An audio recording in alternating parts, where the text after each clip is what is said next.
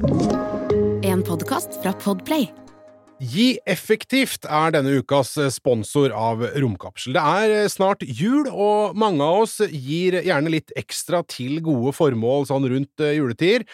Og på gieffektivt.no så kan du finne ut nettopp hvordan du kan gi penger, og gi de på best mulig måte som gir mest mulig nytte. Ja, for det er jo mange gode formål som både trenger og ber om penger. Og Gi effektivt de kommer med anbefalinger om hvilke bistandstiltak som utretter mest godt og redder flest liv per krone du gir. Mest bang for the buck, rett og slett. Og anbefalingene de er basert på grundige og vitenskapelige analyser, og vitenskap, det liker vi her i Romkapsel. Ja, for det er, det er jo sånn at det, det, skjer jo mye skremmende og fælt i verden eh, for tida, og da kan man jo fort føle seg litt sånn hjelpeløs og lure veldig på hvordan man kan bidra til å hjelpe dem som har aller minst, og som trenger mest. Og så er det jo ofte sånn at eh, det som er mest tydelig, og som det snakkes mest om eh, på nyhetene og i media, kanskje ikke nødvendigvis er eh, der hvor nøden er størst, av de som trenger, eh, trenger mest, og hvor penga gjør mest nytte. Det er sant, det er mye usynlig nød der ute i dag, og akkurat nå så anbefaler Gi effektivt å gi til tiltak som bekjemper malaria, gi vitamintilskudd til underernærte barn, og sørge for at flere spedbarn får livsviktige barnevaksiner. Gi effektivt er helt uavhengig og gir 100% av det du gir, videre til hjelpeorganisasjonene. På Gi effektivt kan du velge hvor mye du vil gi, endre faste donasjoner og selvfølgelig velge hvem du vil gi til. Ja, og så må vi jo ta med en sånn liten, sånn liten sånn fotnote for, eh, for oss, da, rike nordmenn, at du får tilbake en god følelse og så får du skattefradrag på det beløpet du har eh, gitt. Så gå inn på gieffektivt.no og gi effektivt. Three, two. When lift off. One, two, three, four, five, five, four, three, two, one. Enter bed. Okay, we checked all four systems, and there you go on modulation, all four, and keying with a go. Quality base here. The Eagle has landed. Dette er Romkapsel for anledningen, ikke i kapselen. Vi er ute på en EVA. Uh, oi, nå ble det mye sånn er, Men uh, vi kan være cheesy når vi vil, ja. uh, fordi det er vår podkast. Eirik, hei, hyggelig å se deg. nå har jo vi Dette var sånn spill for galleriet, for vi Totalt. Vi er fremdeles på Andøya. Vi er på Andøya. Vi, Og her er vi tett på hverandre. Vi har sett hverandre i timevis nå, ja. i flere dager. Ja, vi skal ikke, vi skal ikke rante noe mer om den der. Er, det ligger nå bak oss. Det er bygons. Vinter-Armageddon 2023 i Oslo er nå bak oss. Vi, er, ja. vi skal ikke være langsinte. Men kjære ørevenn, eh, vi er på Andøya i anledning da åpningen sant, av Andøya Space og at eh, Andøya Spaceport og anlegg, og det skal klippes snorer, og, og når du hører dette, så har det blitt knipt, klipt snorer av kongelige, og det er ikke måte på. Det er program som er tima ned på minutter og sekunder. Det er menn og kvinner som prater i ermene. Eh, og det er folk med slips ute i minusgrader. Um, sånn er det. Men uh, vi sitter jo Og dette er litt, dette er litt sånn hellig grunn. For, vi, for uh, Norge som romfartsnasjon, vi sitter i, i oksebåsen. Ja, vi gjør det omgitt av disse her fantastiske fjellene rundt, og med eh, sånn eh, rakettmodell utenfor eh, vinduet her, og eh, launch eh, site eh, ikke så langt unna. Pen utsikt fra kantina. I det hele tatt. Ja, og her må jeg bare si at dette, dette hender jo vi gjør. Ja, altså har, her har vi forsømt oss litt. Planen var jo egentlig å ta dette jubileumsåret i fjor. Men så er det jo at den rare bransjen vi driver og dekker, det skjer jo ting hele tiden. Så jeg, liksom, tida tok oss litt i fjor. Men nå er vi her og skal snakke om det som man da har holdt på med i nå er det vel 61 år er på bruket. Det er lenge, altså. Eh, og vår gjest det er Kolbjørn Blix. Hei på deg. Hallo. Eh, og du er da, din tittel som vi har fått oppgitt, da, er VP Suborbital. Stemmer det? Ja, det stemmer. VP står for Vice President. Ja, altså visepresident. Det er ikke så verst, det, da. Ja. Eh, og det, da, og da, det sånn standardspørsmålet når vi er her, er rett og slett å bare spørre altså, hva innebærer, eh, hva innebærer en sånn jobb? Og det er jo også fordi altså, dette er ikke en jobb som Er det noen andre jobb i Norge som har din jobbtittel, forresten? Nei.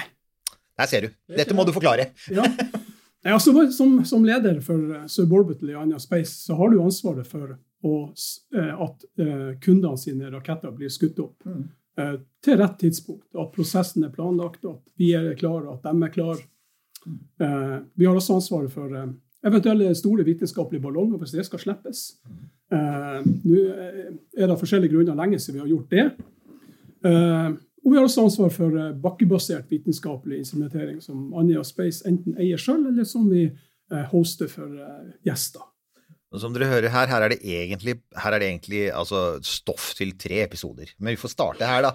Og siden vi nå er her i forbindelse med, med at det skal, eh, snart skal skytes opp raketter til bane, så kan vi da starte med det som, kom, som jo startet før bane. Og det er jo suborbital, altså raketter som ikke går opp i jordbane, men som kommer faderlig høyt. Det gjør de jo. Det gjør de. Eh, 1452 km er vel den høgste, og det er jo en rakett som sikkert mange har hørt om, fra 1995. Ja, nemlig. Øh, og, øh, og da, altså jeg tenker sånn Med den jobben du har, altså hva slags utdannelse Det er altså sånne ting som lytterne ofte lurer på. altså Hva slags utdannelse og bakgrunn trenger man for å få en sånn stilling da som du har? Jeg tror du kan ha forskjellige typer bakgrunner, egentlig. For jeg har ikke en typisk bakgrunn for å sitte i den stillinga jeg har i dag. Jeg har bakgrunn fra 20 år i Luftforsvaret som, eh, som avioniker eller flytekniker. Eh, Kom til Andenes i, eh, eller til Andøya i 2001 og begynte som teknisk leder på det observatoriet som vi eier, Andøya Space. Eh, og så har jeg vært markedssjef, og så har jeg leda bygging av norske vitenskaper og raketter, og så til jeg nå da sitter og har ansvaret for alt det der. Ja, for da, så, det du, så du har altså en Dette er, det du, altså, det er en lederstilling, da? Det er det det? Ja, det, det er en lederstilling hvor du selvfølgelig er veldig greit om du har litt kunnskap om hva de under deg gjør. For det kan hende at du må sykle inn og ta en avgjørelse at eh, det dere nå gjør med den nyttelasten der, det kan være fra Universitetet i Oslo eller i Tromsø, eh, og si at eh, nå har vi gjort nok på den der. Neste versjon 2.0 kan ta dette ekstra som dere skal, vil bruke tid på. Så det er veldig greit å ha litt teknisk innsikt. Når du sier sånn folk som jobber under deg, hvor mange er det som er involvert i, i ditt Eh, I Suborbital så er vi 16, 16 stykker. Men eh, det, i en typisk eh, rakettkampanje så har vi kanskje med 20 mennesker til. Som vi da leier inn fra andre områder i Anja Space, som driver med telemetri, radar, launcher osv. Rakettkampanje. Ja, jeg, det, det, det, Det er kult, litt da. Det hørtes litt militært ut. Ja, det høres litt ut som eh, sånn taktisk grep fra østfronten. Ja, ja, nemlig! Jeg tenker det samme. Ja, altså, vi, herregud, vi er menn over 50, selvfølgelig går tankene til krigen. Men eh. Ja, men, men altså, ja, du sier en rakettkampanje. Hva, hva er det? En rakettkampanje det er en, eh, en sak som tar eh, fem-seks uker å gjennomføre. Da kommer kunden, det kan jo være NASA f.eks., jeg kommer med en rakett, og de skal jo sette den i sammen her på Andenes. Eh, Så skal vi forberede alt som skal gjøres før de kommer, mens de er, som vi skal gjøre sammen med de. Og så skal vi over i, et, eh, i en tellefase hvor vi har to uker på å skyte denne raketten. Eh, Så alt det her er en kampanje. Og det er nok grunnen til at det kalles er nok litt militært. For Andøya Space heter jo Andøya rakettskytefelt før i tida. Og da var jo dette i utgangspunktet en, en, en militært styrt eh, enhet i noen år. Ja, det, er altså det med historikken her er jo litt interessant, for at igjen, det er altså eh, 61 år i år. Men jeg tenker er altså hva, Akkurat dette med som, hva var bakgrunnen for at, at Andøya ble dette senteret for altså, ja, det, er vel, altså det er vel Europas største senter for denne typen oppskytinger, er det ikke det? Hvis ikke et av verdens største sentre? Ja, altså vi er vel eh, Vi er i hvert fall det eneste i Norge. Der er Ja. et eh, S-range i Kiruna er jo også ganske stort. Ja, ok. Eh, Men vi er jo spesielle på det vi gjør. Mm. Vi skyter vitenskapelige raketter som kan gå veldig langt horisontalt. Mm. Det kan de ikke gjøre på S-range. De må opp og rett ned, helst i Sverige. Ja, Av åpenbare geografiske grunner. Ja. uten, å gå for mye sånn. Og av og til så Ja. Ja. Men, Så hender det Det har jo skjedd ting. ja. ja. men grunnen til at det havna på Andenes, det var egentlig ikke forutbestemt at de skulle hit. Nei. Det, var- det starta med FFI på Kjeller, som var, ville finne ut mer om hvorfor eh, kortbølge eh, radiosamband og, og, og navigasjon eh, noen dager var veldig problematisk. Og De hadde jo en mistanke om at det var deler av ionosfæren som spilte dem et puss. Eh, og da ligger jo Andenes veldig greit til i forhold til forskning på, på, eh, på magnetfeltet til jorda. Ja. Eh, og vi hadde også en stor flyplass som var etablert på 50-tallet. Vi hadde store havner. Eh, så alt lå til rette for å gjøre det på Andenes, og derfor ble det bygd her. Og, og så var det da var det her? Altså um, 18. august 1962. Da måtte jeg lese på Ferdinand 1. Det var den første raketten på Andøya. Det var den første, og det var et samarbeid mellom forskere fra FFI og det danske meteorologiske instituttet i København. Og så hadde NASA gitt motorer til prosjektet for å sørge for at det gikk. NASA stilte også med noen telemetri. Så det var flere som var involvert for at dette skulle skje.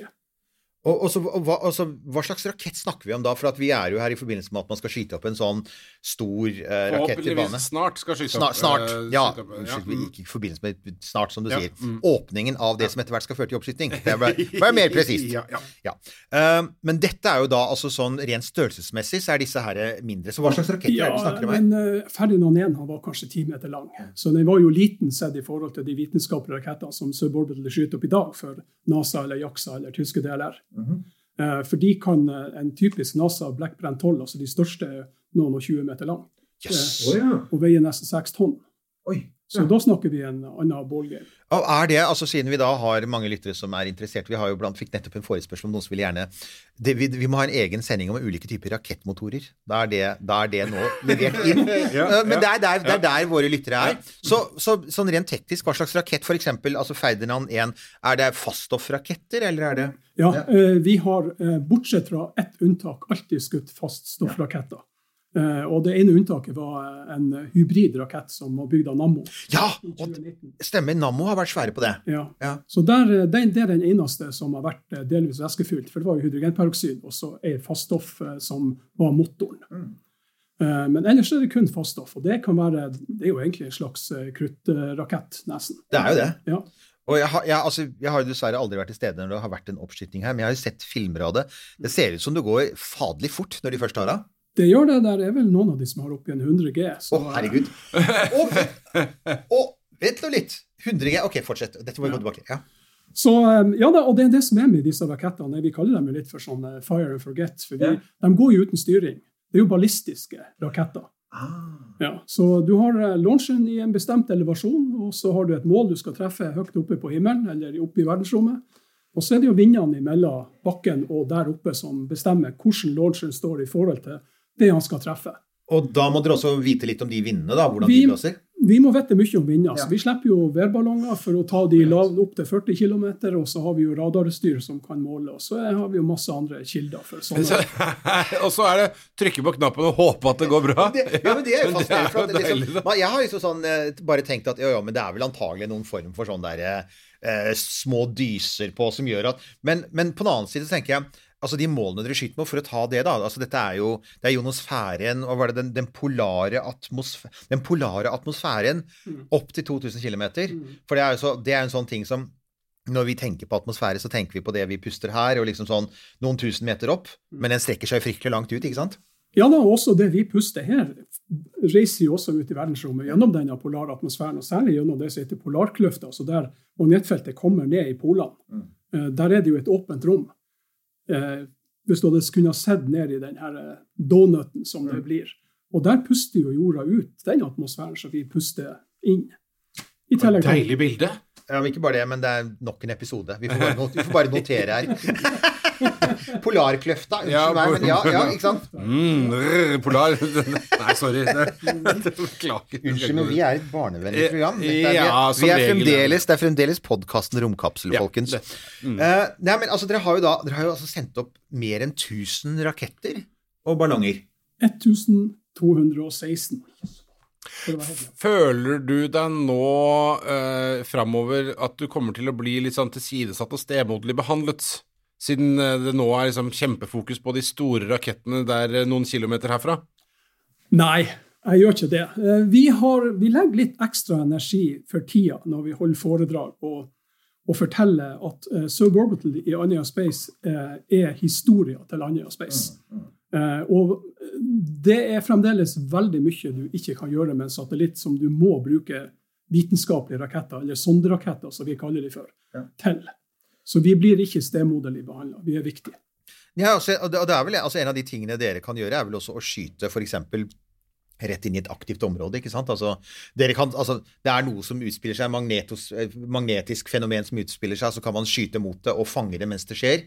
Mens hvis du har en satellitt, så følger jo den en fast bane. Og hvis du har flaks, så er den satellitten på Den vil jo alltid stort sett gå i en, en fast høyde. Og hvis den da er i feil høyde og på feil sted, så er det vel Det er utfordringa. Når vi får spørsmål om hvorfor skal dere fortsette å skyte disse vitenskapelige rakettene, for det går jo tross alt satellitter i nesten alle baner. Ja. Ja, men det er sånn at mellom 40 km høyde, der stopper ballongene. Ja. Det går ikke lenger. Og 200, som jo begynner å bli veldig lav for satellitt. Ja, du, ja. Så skal du ha det vi kaller for in situ-måling, altså måle Mm. i fenomenet som skjer, så må du skyte en rakett opp i det. Ja. Og så er det jo sånn at, det at eventuelt altså, hvis du skal opp til 1400 km, eller kanskje helt opp mot liksom, 2000, som er sånn, Ja. den øvre grensa, så er det jo heller ikke mange satellitter som går der oppe. Nei, Altså, de- altså, som du sa i stad, vi kan ikke bestille et vitenskapelig fenomen til en bestemt høyde til et bestemt tidspunkt. Du må skyte når det er der. Ja, og, men, men altså, eh, da må man jo ha en viss eh, mulighet for å, å predikere når det skal skje, og så må man bare sitte klar med knappen og trykke når Å, der er den. Dere, ja, dere har vel litt instrumenter som kan se på sånne ting her, dere? Ja, vi har jo noe bakkebasert utstyr. Vi har jo store LIDAR-systemer, altså som lysbaserte radarer, for å si det veldig enkelt. Og store radarsystemer. Men altså forskerne som eh, kommer som en del av sånn kampanje, de eh, har jo tilgang til satellitter og til masse annet bakkebasert utstyr som Anja Space ikke rår over. Så de bruker jo veldig mye tid på å si at nå er det perfekte. Enten er det der, eller så vil det være der om 10-12 minutter. Og da må raketten vår være skutt opp og klar over Svalbard, f.eks. Ja. Og jeg beundrer de ennå, etter 25 år snart i denne businessen, at de kan sitte der inne på science-senteret vårt, og så forutsier de noe som skal skje på Svalbard om 10-12 minutter. Men da er det veldig masse som må ha vært skjedd allerede. Vi skal være kommet så langt ned i nedtellinga, som kan være tre-fire timer på en sånn rakett. Vi skal ha få stengt vei. Vi skal ha, altså all, absolutt alle skal være klar til at vi skal nå det. Det høres ut som et lite hjerteinfarkt hver gang det der, skal skje. Det må være veldig godt planlagt, så slipper du hjerteinfarktet. Ja, for at, altså, det var jo, Dette har vi jo snakket om uh, det, det tidligere også, med, når det gjelder uh, den nye romhavna. Og det er nettopp som du sier med sikkerhetssoner, eller liksom, dette her med at man må ha godkjennelse. Altså, ja, det er, er det eh, Luftfartstilsynet som Eh, ikke ennå for Anja Space Suborbital, men eh, det er departementet som, eh, som eier oss, altså Nærings- og fiskeridepartementet, som gir oss en sånn tillatelse for to år i slengen. Eh, men neste gang så må nok vi også søke til Luftfartstilsynet. Interessant. Men det, for meg så virker det nesten som om eh, i større grad enn de større rakettene, så, så ligger det så enda mer Jeg sier ikke at de er dårlige på det, men, men altså, i Suborbital så er det enda viktigere å med planlegging og, og forberedelser, fordi at idet du trykker på knappen, så er det på en måte, da er det ikke noe du kan gjøre. Ja, det er nok eh, ganske korrekt. Det er- krever veldig mye planlegging, det krever, veldig, det krever varsling. Eh, alle må være klar, og alt må være gjort i dette øyeblikket da eh, raketten får signaler om at nå går det. Og så er det jo sånn at dere kan ha mye, altså Herfra kan man ha mye større variasjon i, i, i nyttelast. ikke sant? Altså Litt avhengig av hva man vil se på. Du nevnte jo noen kunder her. altså Hva er det vanligvis man, man prøver å se på og se etter når man skyter opp? Det er jo veldig ofte eh, nordlysrelatert forskning. Eh, da er det plasmaforskning, altså med lada gass. Eh, Nordlys er jo egentlig plasma. Eh, det er elektrontetthet, det kan være kjemiske stoffer de er ute etter å se. Eh, det er magnetfelt. og det kan være teknologiske tester som ikke går på forskning, men utviklinga av romfarkoster i neste generasjon. Men du, Husker du hva Kolbjørn sa om dette med 100G? Det slår meg at da må du også bygge instrumenter. for at, ikke sant? Det betyr at den, der, den lille greia di som veier noen gram, kan plutselig veie en halvkilo ikke sant? Når, du, når, den, når den skytes opp. Så det er jo ganske interessante kravspesifikasjoner da, til disse instrumentene. Ja, men det, vet du, det er jo eh, Forskerne må jo bygge sine instrumenter som at de tåler den motoren, eller de motorene som disse vitenskapelige rakettene får tildelt. Eh, og så må vi sørge for at den strukturen som vi putter dette inn i og, og, og kvalifiserer, tåler det. Men eh, det har det gjort. Ja. Eh, jeg tenker, Så er det jo også det med at de, de skytes opp, og så er de der oppe noen minutter og gjør målinger, og så faller de ned igjen. Ja. Og er det da sånn at de altså, faller fritt ned, og så synker de i havet, eller kan de plukkes opp igjen, f.eks.? De kan plukkes opp igjen. og det er, eh, Vi kan vel egentlig si at det er en rutinejobb for Anja Space å, eh, å sørge for at eh, raketter kan plukkes opp. Men det blir gjort eh, egentlig ganske sjeldent. Og det er fordi at du legger til en ny usikkerhetsfaktor i prosjektet ditt. Eh, ikke bare skal du ha godt bakkevær for å, å skyte opp den raketten, og du skal ha det romværet du er ute etter. Eh, men du skal i tillegg også ha en, en, en vi kaller det for sea state på engelsk. altså at Bølgen og alt på havet, på båten som ligger kanskje 70-80-90 km ute i havet, skal faktisk klare å plukke opp raketten. Og så skal fallskjermen virke, og så skal flytemidlene virke, og så skal radioutstyret på raketten som de kan peile på, virke. Så det er Hvis du ikke må ha den tilbake, Mm. så synker den til bunnen. og så Det er jo aluminium stort sett og stål. Det blir borte etter hvert. Nei, altså, og så tenker jeg sånn altså, eh, altså Når de sier sånn størrelse Hvor mange altså, hvor, mange, hvor tung nyttelast kan man frakte opp? Altså, Hvor mange kilo er det man kan løfte opp? Um, en typisk NASA-rakett har eh, 500-600 kilo nyttelast. Wow! Oi. Og jeg har liksom sett for meg jeg har sett- sett for meg sånne små, elegante pakker. Ja. ja, men det er, jo, det er jo skikkelig vitenskapelige instrumenter. Da, har du, da kan du gjøre ja. Ja. En, en typisk norsk eh, 300 kilo. Mm. Ja. Men altså, hva, hva, hva, er, hva er inni der da? Da er det det vi kaller for housekeeping, som er rett og slett eh, strøm, altså batteri, det er navigasjonsmiddel, det er, det er gyroer, det er, det er eh, sendere, mottakere. Alt det utstyret som forskerne må ha for at raketten skal fungere med å få, sørge for at vi får data tilbake igjen. For det er det viktigste vi gjør, siden Ja, de fleste er ender på havets bunn. Ja, ja, ikke sant? For at man er helt avhengig av at det, det til enhver tid går en dataflow. Ja. Ja. Og så er det utstyret, det vitenskapelige utstyret. Det er jo da elektronfeltmålinger med bommer. eh, Det kan være spektrometer og mange forskjellige typer instrumenter. Du, Du tror det samme med, bommer?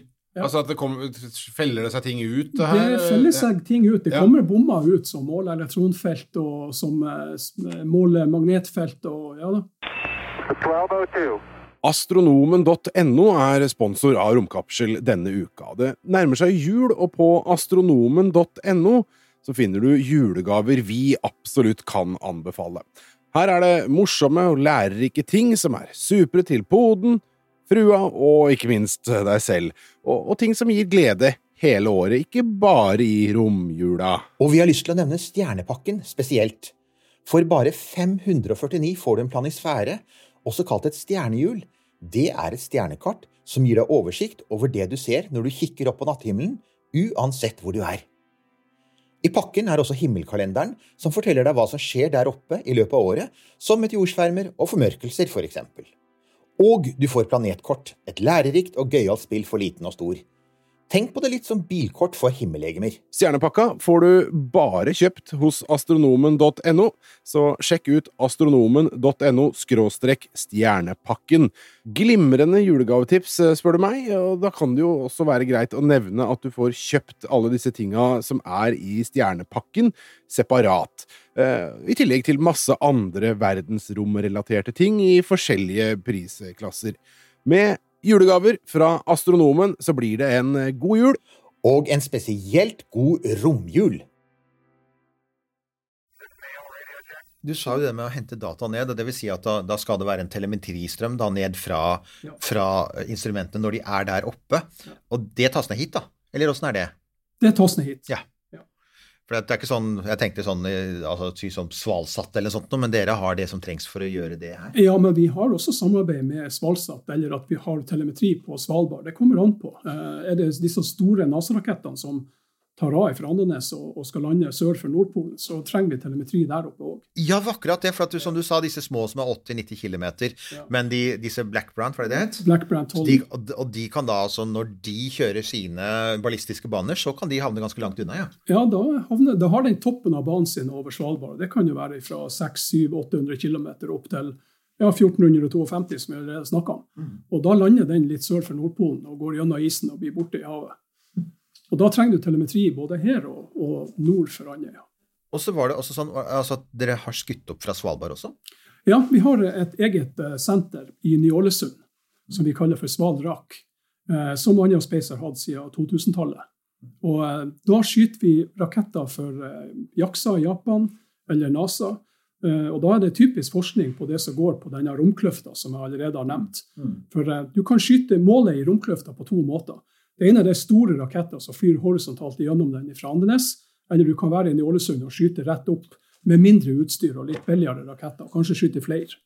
Wow. Nei, altså, så eh, Ny-Ålesund svalldrakt det er fremdeles i, i, drift og i aktivitet? Ja da, det er ikke så ofte brukt som, eh, som Andenes, for det er jo litt mer kostbart å være der oppe. Men eh, vi gjør det vi kan for å holde det i drift. Ja, ja Vi har skjønt at logistikken i Ny-Ålesund er et kap kapittel for seg. ja. ja. hvordan frakter man en rakett dit? du skrur den ikke sammen til en lang rakett, men den blir frakta i bokser, så skal jo vi ha alt utstyret vårt opp dit. For vi har, i henhold til Svalbardtraktaten, så har ikke vi lov å ha permanent telemetri og radar og alt sånt utstyr der oppe. Så vi har kun en oppskytingsrampe og monteringsbygg osv. Men alt det elektroniske det bringer vi opp, og så tar vi det ned. Så det er litt, eh, litt eh, operasjon, ja. Du er jo inne på det, du har jo nevnt det flere ganger her, men det er jo også dette at det er jo altså, Det driftes fra Norge, men det er jo internasjonalt. NASA var altså inne helt fra starten av. Uh, og, og, og, hvordan er det? Altså, hvor viktig er dette internasjonale samarbeidet for dere? Det er kjempeviktig. For eh, vi har jo gjort den erfaringa at mye innenfor forskning handler jo om å internasjonalisere for å få mer eh, NASA har et sånt uttrykk som heter 'bang for the buck'. Mm. Og det er egentlig godt for Norge òg, det, å få mer data enn det du har betalt for med din egen rakett. Så Anja Space, eh, Universitetet i Oslo, i stor grad vil jobbe veldig intensivt mot NASA og JAXA for å få de med på internasjonale kampanjer som gjør at det kommer flere raketter i samme kampanje. Raketter som forsker på de samme tingene med litt forskjellig utstyr, litt mm. forskjellig høyde, men at det gjøres samtidig, sånn at det blir relevant.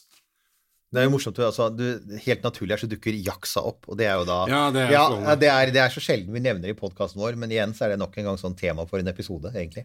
Ja, og at hei, det er flere aktører enn man umiddelbart tenker på. Ikke sant? At, japaner, altså at japanerne ja. er såpass involvert, er jo, er jo, fascinerende. Ja, og det skulle bare mangle. De er gode på tech. Ja, de er jo det. Det er sant, det.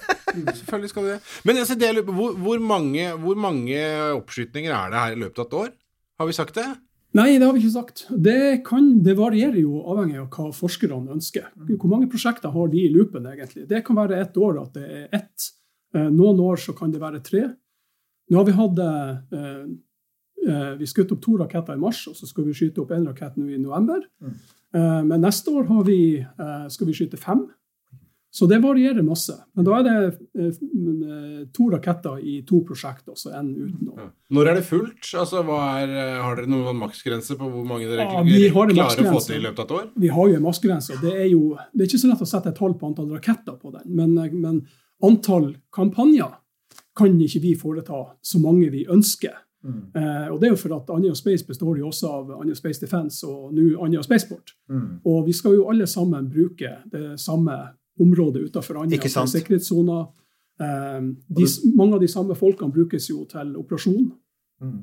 Og, det jo, og, det vil jo alltid da være sånn at dette også, altså sikkerhetssone under oppskyting vil jo påvirke næringsliv, transport, luftfart, ikke sant. Så, for det er jo så, det, er vel sånn at når du setter opp disse sikkerhetssonene, da det, blir det da en sånn no fly-sone f.eks. innenfor et område. Du sier at her kan dere ikke fly, for nå, nå kommer det til å fly en rakett gjennom ganske snart.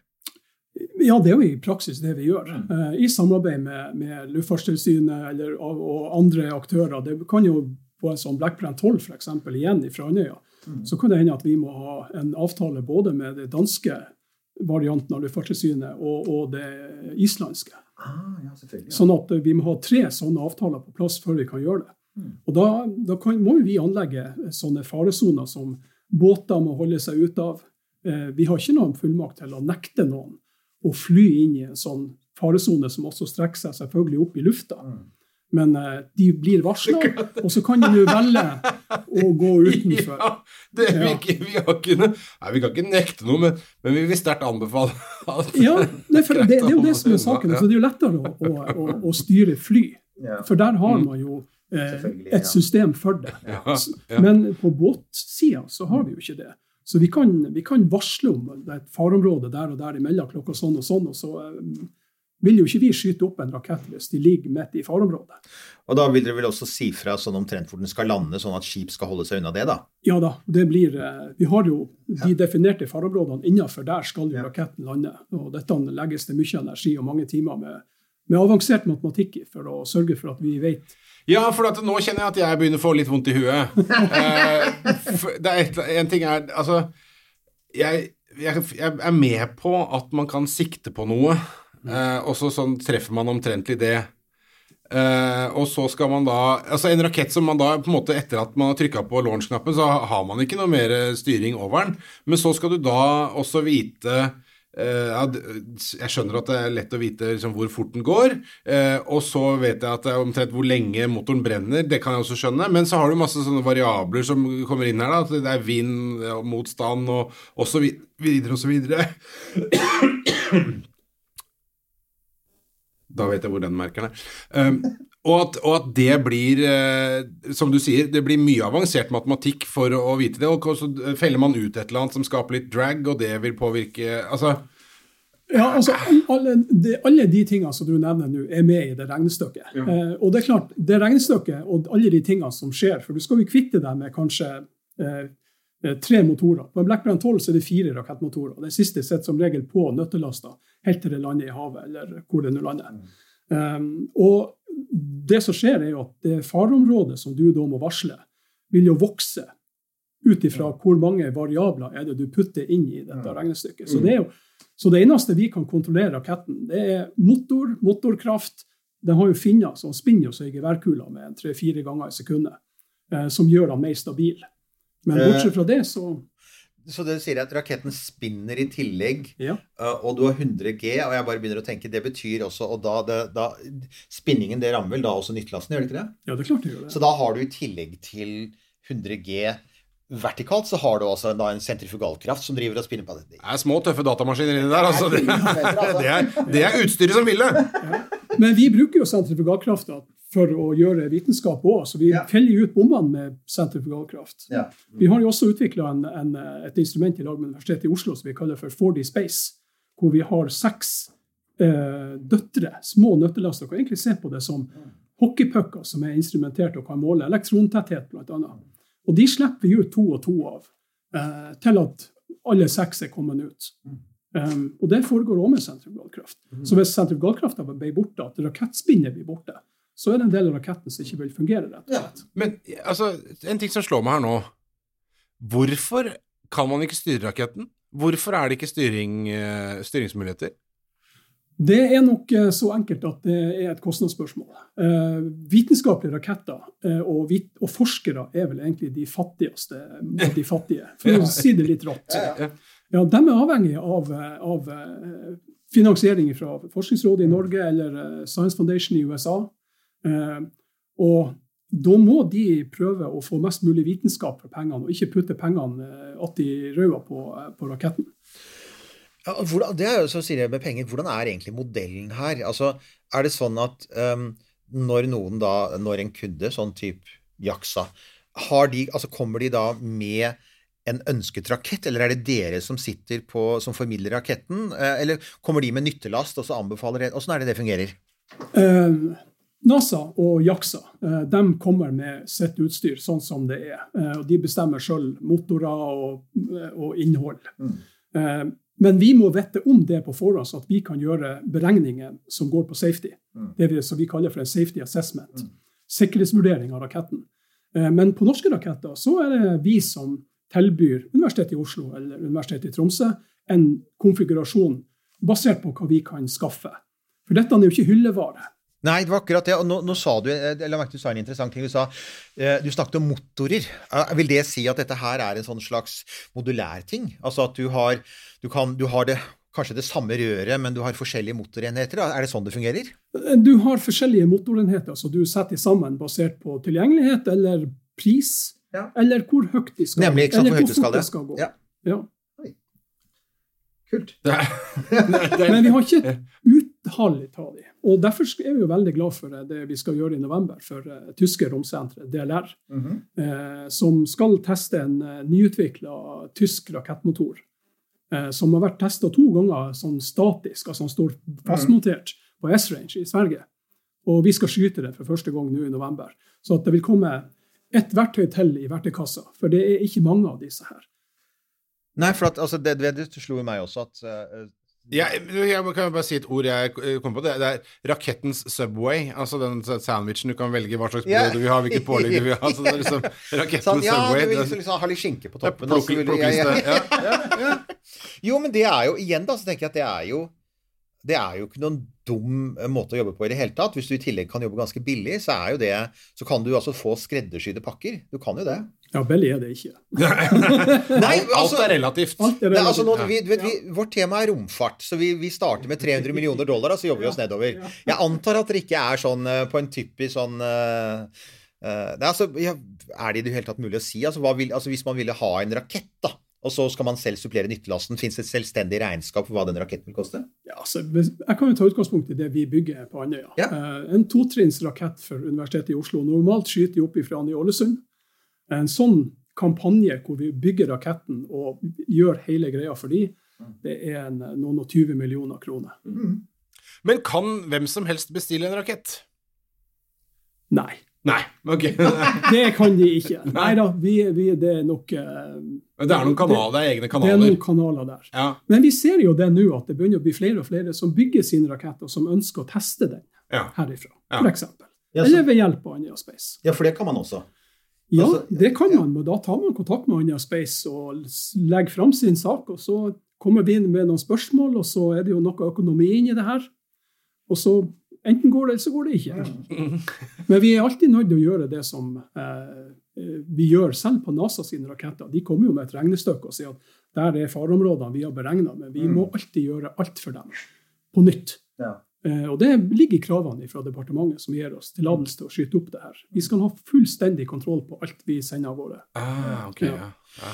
Ja, for altså selv om da kunden har disse ønskene i forhold til sånn raketter og motorer og sånn, så er det, det er deres og sånn Når NASA kommer med en instrumentpakke og en ønsket rakett, da er det altså er det NASA som trykker på knappen, eller er det dere som gjør det? Det er dere som, er, det er dere som styrer dette? Det er når NASA kommer med sin rakett, eh, både motor og nøtelast, så er det vi som står for selve oppskytinga av den. De er selvfølgelig med å armere motorer og gjøre og sette her sammen her, men det er vi som har det endelige ansvar for å skyte opp den raketten.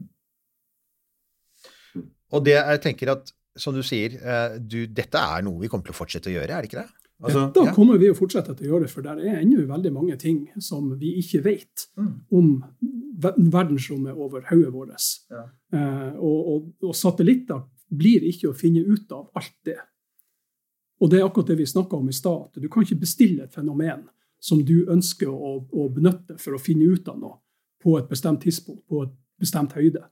Du må eh, kunne pinpointe det med en rakett. Men, men altså, for, for uh, spørsmål fra gutta på gulvet her. Uh, er det her, ser dere, hvis litt sånn på langen, noen form for konkurranse fra droner? Nei. Nei, Nei vi gjør ikke det. De, selv det blir for lavt. Selv de høyeste av de blir for lavt. Så, så vi, det gjør vi ikke. Uh, nei. Nei, nå, tenk, nå trodde jeg at jeg hadde stilt et smart spørsmål. Der kom du, så der kom killerspørsmålet. ja, ja, ja, ja. Jo, men altså, dette her, det, altså, det er jo kanskje verdt å minne lytterne også om at dette her har jo også stor relevans for oss. Altså En ting er at dette er grunnforskning, og at vi kan lære mye om elektromagnetiske fenomener og liksom vekselvirkninger mellom plasma og solvind og atmosfæren. Men dette har jo også stor betydning for bl.a. Altså satellittvirksomhet, kommunikasjon. ikke sant? Eh, For eksempel så har jo altså eh, sola har jo svære utbrudd av og til. Altså Er det, er det sånn at dere også kan være, ha, har vært med på det? altså Altså, kan, har det, kan dere ha så rask reaksjonstid at liksom, hvis det er et stort utbrudd på gang, og det blir voldsom aktivitet over hodene våre, så er dere i stand til å skyte opp? Ja, hvis at uh, hurtig aksjon er, hvis vi da snakker noen måneder, Ja. så kan vi nok få det til. Eh, men da må jo noen komme med, med raketten. Og, Ikke sant? ja, uh, for det, det er jo det som tar tid. Ja. Eh, og så har du varslingstidsrom som Du kan ikke bare ringe noen og si at Nei, okay. om en nå, time så- nå er det flott nordlys, kan du Ja. skyte nå? Ja, nei da, er, det kan fort være snakk opp i en måned på disse store eh, i varsling. Men, men vi, vi gjør jo oppdrag for eh, NASA. Vi hadde jo et, eh, et fantastisk interessant oppdrag på Svalbard i 2022. eh, et, en NASA-rakett som heter Endurance, som skulle opp og bl.a. måle på, på solstråling, eh, intensitet. Og eh, eh, vi hadde jo kjempeutfordringer, for det var jo midt i koronaen. Så eh, vi sendte opp ti stykker. NASA kom vel med en ti personer. Eh, Så blir du testa for korona i Tromsø. Og så blir du testa for korona i Ny-Ålesund før du får gå ut av bussen fra flyet. Eh, Og likevel så klarte jo de av våre crew som ikke hadde hatt det, de fikk korona. Det gjorde jo NASA-folkene òg. Og så hadde vi en deadline som var 10. mai. Eh, Vi skulle skyte opp denne raketten første dag. Og vi hadde kjempestore transportproblemer, for eh, mye av transporten mellom Norge og USA var borte pga. korona. Vi, eh, vi hadde eh, ja, Norsk Polarinstitutt var bekymra for om vi kunne rett og slett skremme vannet av gravide reinsdyr. For det var, her var Normalt skyter Andøya opp raketter for NASA og jaksa der oppe i den mørke tida på året. Men ute i mai så er det jo midnattssol på Svalbard på natta. Og det, det var det de var ute etter, NASA den gangen. Men vi fikk det av gårde, på tross av alt det der som skjedde. Og, eh, og, og det som skjedde, var jo at denne kampanjen her fikk en pris som heter uh, uh, uff, Hva var det heter for noe? Eh, det er en, en, en pris som gis til spesielle prosjekter. Og det forrige prosjektet som fikk det, var James Webb til Space Telescope. Oi! Så vitenskapen og det at vi løste alle disse her parametrene og fikk den av gårde mens ennå sola var så var innenfor limit på instrumenteringa i raketten. For det var liksom, Vi hadde to-tre telledager vi kunne yte maksimalt før sola plutselig var for aktiv. 1202. Men altså, dere jobber jo Det det virker som om dere jobber med noen veldig sånne små vinduer her. Ja, ja det gjør vi. Eh, normalt er de vinduene to uker. Men det som skjedde med Endurance, var at sola plutselig ble veldig mye mer aktiv enn det forskerne hadde sittet hjemme på kontorene sine og, og regna ut. For de hadde jo gitt seg sjøl 14 dager. Men de fikk i praksis bare tre maks.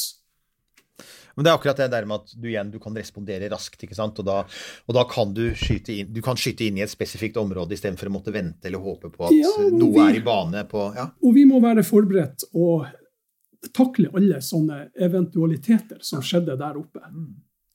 Og så er det jo dette her med at du også får laget et slags tredimensjonalt kart, da, som du sier. For at det at du har, du har eh, Du kan altså måle på, ikke bare observere, men måle på ulike deler av det nære verdensrommet i ulike høyder. Ja. Og da vil du gjerne ha ikke bare et kart og liksom sånn lagdelingen av hvordan forskjellige aktiviteter er, men i tillegg et dynamisk kart. Eh, og det er, jo, det, det, er jo et av disse områdene hvor vi er veldig sterke i Norge, da. Ikke sant? Vi har jo, det er jo en grunn til altså, Det er jo ikke bare fordi at Andøya er et praktisk sted å skyte opp. altså Nordlysforskning, da, altså, det går jo tilbake til Birkeland. Uh, nordlysforskning og forskning på denne delen av atmosfæren har jo alltid stått sterkt her i landet, så det passer jo egentlig som hånd i hanske. Ja, det gjør det. Uh, Vi, vi bor jo midt under nordlyset her på Andøya. Mm. Vi har jo, det var jo også nattnordlyset som ligger over Andøya, som var en av grunnene til at FFI valgte det her, pga. av de ionosfæriske fenomenene som det medfører. Så, så det er absolutt uh, viktig, ja. Og, eh, og NASA de har jo veldig mange av disse kampanjene går jo på å finne ut uh, hva er det som skjer over nordlyset, der som satellittene flyr. Ja. Uh, for nordlyset er jo plasma, det er jo egentlig oppvarma gass. Eh, og sånn som varmeovnen hjemme på veggen, så kjenner du over det, så er det varmluft som strømmer opp. Det skjer også over nordlys. Og det vil en satellitt som kommer og passerer over nordlyset, oppfatte som en speedbump, en eh, fartsdump. Så det å kunne forutsi dem, og, og sånn at de kan tas med i beregninga når, når satellitten skytes opp. selvfølgelig. For det kan jo påvirke levetiden til satellitter òg, det. Ja, nemlig. Så du må ha litt ekstra fuel kanskje for å Ja. motvirke sånne fenomener. Dette her har vi vært borti før, Eirik. Dette her har vi snakka om tidligere. Et sånn måling på et eller annet felt som Ja. der. Jeg husker jo selvfølgelig ikke hva det heter for Nei, noe, men skjø- Jeg vet absolutt hva du jo, mener. Jo, Og nå, Kjære lytter. For eh, mange nå. hundre episoder så husker ikke jeg det heller, men det var meget mulig at det var noe med Pål Brekke. Eh, ja, eller Det det ofte var Pål som eh, snakker om disse tingene hos oss. Roger Birkeland eller ah, kan det ha vært? Roger, ja, selvfølgelig. Uh, Ja, i det hele tatt. Ja, det var noe der. Kjære ørevenn, hvis du husker hvor det er, uh, sleng en liten kommentar sleng en i liten kommentar. Ja. Jo, jo, men det, altså, nok en gang så viser det viser jo at altså, denne delen av atmosfæren er viktig for oss. Og vi har jo hatt en tendens til å si at altså, rommet er viktig, og atmosfæren er viktig. Og så har du hatt dette her stedet imellom, og så har vi egentlig hatt ganske lite kunnskap om det. Så dette her er jo en, en ja. Ja. Og det er jo, vi ser jo også det at en, en ting som er på tur inn nå i, i det viktige bildet, det er jo eh, kan si, ionosfære og, og lav atmosfære og kjemi. For vi har jo nå mange satellitter som etter hvert kommer inn eh, og brenner opp. Og disse satellittene er jo veldig mye ofte laga i aluminium. Oh! Og hva er det som skjer med atmosfæren når all denne aluminiumen som blir igjen der oppe, Blir, blir spredd ut der oppe. blir spredd ut? Unnskyld, kan jeg si det? Det er sånn, nå må vi bare sånn stopp. Det er sånn uh, hashtag podcast gold igjen. Dette har aldri vært sagt i denne podkasten, og jeg har aldri hørt om det. Det er jo kjempeinteressant. Og særlig nå med disse megakonstellasjonene, Ja. hvor hele forretningsmodellen til nå, akkurat nå Elon Musk, nå er han nevnt, Ja, ja, men også etter hvert. Ja, ja, og etter hvert også, det er det gjort, og etter hvert også Jeff Bezos, som skal sende opp sin megakonstellasjon. megakonstellasjon. Forretningsmodellen der er jo at du skal ta ned tusenvis av satellitter hvert år, og hele tiden fylle på. Hva skjer med alt det Det blir jo kjemi av det her. Og, Yes! og kjemi og, og den lufta og ozonlaget og alt det henger jo sammen. Også, Det, det er gøy. Det er, det, altså, ikke det at det skal bære noe særlig vekt, men det har jeg aldri tenkt på. Aldri tenkt på det, jeg heller. så- det er bare litt mer vekt. Ja, du sa det. Men, men, men, men også så tenker jeg så ålreit at vi tenker på det nå. For at det har, vi har jo vært her litt nå. Altså, det er jo alltid, altså Vi er jo totalt pro space. Vi liker at ting sendes opp i rommet. Men vi fikk jo for første gang litt sånn litt kalde føtter når astronomer begynte å si men vent litt, megakonstellasjoner gjør ting med observasjonsforholdene for oss på bakken. Har vi tenkt gjennom det? Og nå har jo da blant annet eh, Starlink har jo nå begynt å si at jo, jo, men de har faktisk gjort satellittene sine mørkere. Og det er bra. Og de har også begynt å, å, å vinkle dem i forhold til sola, sånn at det blir mindre refleksjon, og det er også bra. Men det du nevner her, det er jo et veldig godt eksempel på en sånn ting som det er greit å begynne å se på nå, ikke sant? Ja. Før Starlink har 44 000 satellitter, og jeg husker ikke hva den heter, den andre Kuiper, eller hva søren det heter, det der til, til Jeff Bezos, som også skal ha titusenvis av satellitter. Ja. Mm. Det jo eh, det kan jo godt hende at en eh, undersøkelse har funnet ut at ok, det har ikke noe særlig innvirkning, men det vet vi ikke nå. Ikke sant? Det er bedre å vite det nå istedenfor å komme om ti år og si Oi, nå skjedde det noe rart med den øh, ionosfæren vår, hva kan det komme av? Å nei, kan det ha å gjøre med at vi dumper øh, hundrevis av tonn med ja. Nordlyset skifter farge, altså who knows? ja, og så er det jo en sånn ting til også. Vi er jo inne i en sånn gullalder for romfarten der hvor det er stadig flere oppskytinger. Og det skal jo også, det skal jo også øh, romhavna bidra til. Men det er klart, nettopp det at vi har så levende, lenge levd med få oppskytinger. Vi har levd med sånn størrelsesorden 50-100 oppskytinger i året. Og så snakker da tunge aktører i, i USA om at vi skal ha tusenvis av oppskytinger i året. Jeg, jeg tenker at den skaleringen der det er jo bra at vi har begynt å se på den, for det kan, jeg har jo sett andre som sier at den kan få konsekvenser ikke vi tenker på. Vi har bare vi har, vi har liksom ikke Jeg tror, jeg tror eh, den vil få konsekvenser vi ikke tenker på. Skal vi lære noe av sånn 5000 års menneskelig historie, så er det sant. Ja, ja, ja. Men dette er ting som også Anja Space holder på med, eh, og skal holde på med i framtida. Vi har jo det observatoriet som vi nevnte flere ganger eh, når vi starta her, eh, som heter Alomar. Ja, riktig. Ja, ja, vi, må, vi må si litt om det. Ja, Alomar er et eh, vitenskapelig observatorium, eh, som atmosfærisk observatorium som har vært der siden 1994. Og driver med LIDAR-målinger og, og radarmålinger. Vi har en del passivt utstyr som måler ozon og UV-stråling på forskjellige bølgelengder. Ja, da vi kjørte herf, fra flyplassen hit, så kjørte vi forbi noe som eh, ved første øyekast kan se ut som sånn eh, sted hvor du eh, tørker fisk. Eh, Med noen sånne tørkestativ, eh, Gjeller, noen an antenner Nå er vi som veldig i Oslo her. står på bakken. Ja, ja, altså jeg er fra der jeg er fra, jeg unnskyld meg Ja, ikke. ja, ja. Eh, Men det så ut som noen sånne gamle TV-antenner som sto på bakken. Det er en del av det anlegget? Det er en del av det anlegget. Det, det der det er en av de mest avanserte radarene på jorda ennå for den typen målinger som den gjør. Den måler eh, vindfelt og temperaturer i, i troposfæren og oppe i mesosfæren. Og da snakker vi opp den over 80 km høyde. Eh, og den måler også et fenomen som heter nattlysende skyer.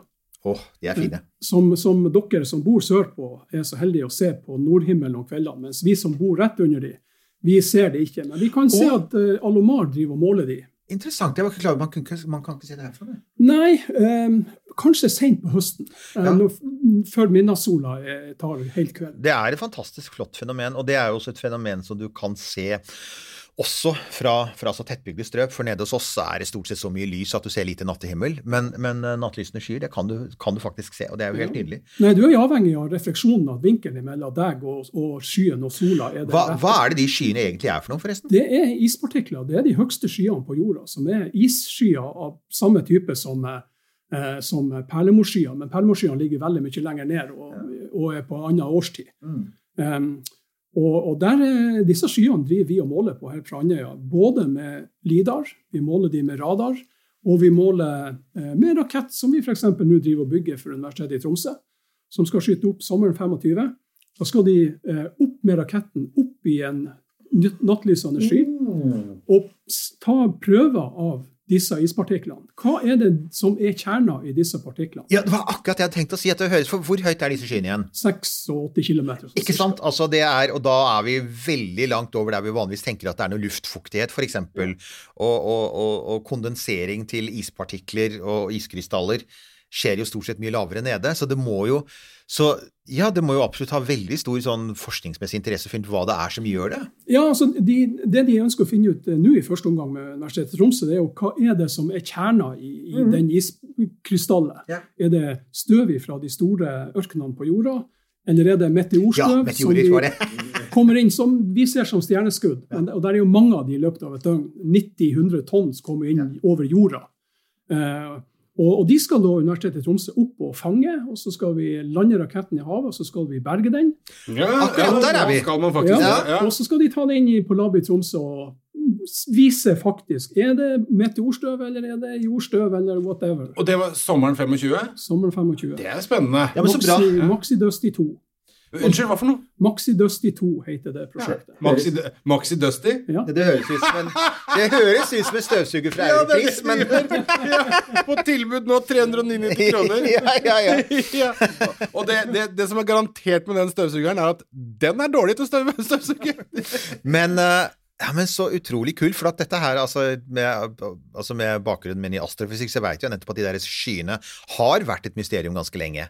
Og det har vært mye diskusjon frem og tilbake av, av, av hva dette er for noe. Og jeg tenker også at det kan ha relevans for altså, er det skjedd noen andre ting i atmosfæren vår? ikke sant? Vi, har jo, vi driver jo og påvirker atmosfæren vår med ulike utslipp, med ting som både kommer ovenfra og Nå skjønner jeg ikke hva du jeg har aldri hørt om. Ja, ja, ja, ja, ja. Så, så nå har vi kommet til det grønne hjørnet. Ja. Men, eh, men, men det er jo altså nettopp det å få, å få den kunnskapen er jo Ja, altså det, det, Du nevnte ordet tidligere i dag, og det er jo grunnforskning. Og det er jo grunnforskning Andøya Space driver og støtter i stor grad gjennom suborbital. Det er bakkebaserte målinger, det er grunnforskning opp, i, i mesos, opp til mesosfære, og også høyere enn det. Eh, Og det er jo, Når det gjelder nattlysende skyer, så er det jo eh, for å se over mange år. Eh, Kommer de hyppigere? Blir de mer tett? Blir de, Varer de lengre? Starter de tidligere på året? Varer de lengre i august? Det har, Jeg har sett at det har vært litt diskusjon om det. Ja, Ja, ikke så det, har jo, det er klimaforskning. Ja, Rett og slett. Så spennende. Det der det var, det var gøy å høre om. Ja, og det, og det relaterer det også direkte til et fenomen som folk kan se, og hver gang de ser det Igjen, så er det, det er, jeg, Men jeg har, jeg, har, jeg har et spørsmål om disse nattlysende skyene. Altså, Er det, er det et uh, hyppig forekommende fenomen? For at det som, når du, sånn som du la det fram, så tenker jeg at det, er det noe som jeg ser så ofte at jeg ikke tenker over det? Nei, jeg tror ikke det. Eh, For at det, har en, eh, det starter vanligvis i slutten av mai. Da er mesosfæren, altså oppe i 86 km, blitt så kald, eh, selv om at vi har midnattssola her oppe hele døgnet. Eh, Så er den da så kald at det lille av, is, av vann fryser til is der oppe. Eller kan fryse til is. Og det varer så til ut i august. Da er atmosfæren der oppe blitt så varm igjen at det blir ikke noe isdannelse. Eh, og så er nok en annen ting at for dere som bor sørpå og ser det her, så er det kanskje lett å se for seg at disse sølvskimrende skyene med veldig ofte bølgemønster eh, er sørpå. Men de er altså nesten 100 km oppe i atmosfæren, så de er over Nord-Norge. Dette skal jeg legge merke til. Skal jeg Altså, ja, eller jeg kan, jeg kan eventuelt tipse deg når du ser det. For at jeg, jeg ser det jo altså, Jeg ser jo alltid opp når jeg er ute. Og jeg er, altså Både de og perlemorskyer er sånne ting som jeg liker å se etter. For det, det er fantastisk flott å se på. Men også igjen fordi jeg får spørsmål. Altså, det er også en sånn ting som folk sier hva er, det, hva, hva er dette? For nå er det jo mørkt ute. Altså Sola har gått ned, og likevel så ser jeg noe som henger der oppe og lyser. Og hva i all verden er det? Så det er, det er alltid lurt å følge med på det. Nei, men så, så utrolig kult. Men det, det, du, det vi hører her, da, alle sammen, det er jo Det er jo at um, dette stopper jo ikke. Altså, det er jo stadig nye ting å oppdage her oppe, og det er stadig nye forskningsfelter å satse på. Og igjen, altså vi snakker 80, hva er det, 86 til 90 km, sånn type. Ja, altså, og da veit vi at uh, det er det, Igjen, der, altså Der ingen kunne tro at noen satellitt kunne bu. Altså, det kan det Å, ikke. takk! Der tok du den! Jeg satt akkurat og tenkte på jeg tok den. Bra! Bra, Ja, ja. Bra. To skjeller i en tanke. Ja, å, Ja, men det dette her, dette her var jo kjempeinteressant. Og så er jo da det store spørsmålet er, det hadde jo da Hvis det eh, Hvis Altså, Er det mulig for folk å se oppskytninger altså når de skjer? Har det, altså, eller skjer de så raskt at de ikke har noe særlig poeng i å komme hit og reise opp hit og se på dem? Altså, hvordan er det? Nei, Å reise hit for å se på en eh, vitenskapelig oppskyting, det ville ikke jeg ha gjort. For du må påregne å være her i to uker. Okay. For Raketten kan gå på dag én, og han kan gå på den siste. Det er, det, det er vitenskapen og været som bestemmer det. Eh, Men vi streamer jo alt på nett, så det vil jo ligge linker på Andøya Space sine websider. Men ok, da har vi det som, som tips. Og der kan folk stille spørsmål, og de får eh, svar fra enten forskerne eller fra oss. Ai, ai, ai, det er strålende.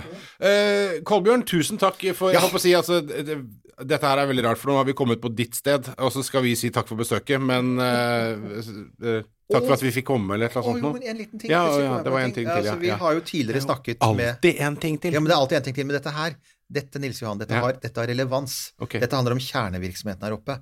Husker du da vi snakket med, med Jon, Jon Harr, Ja.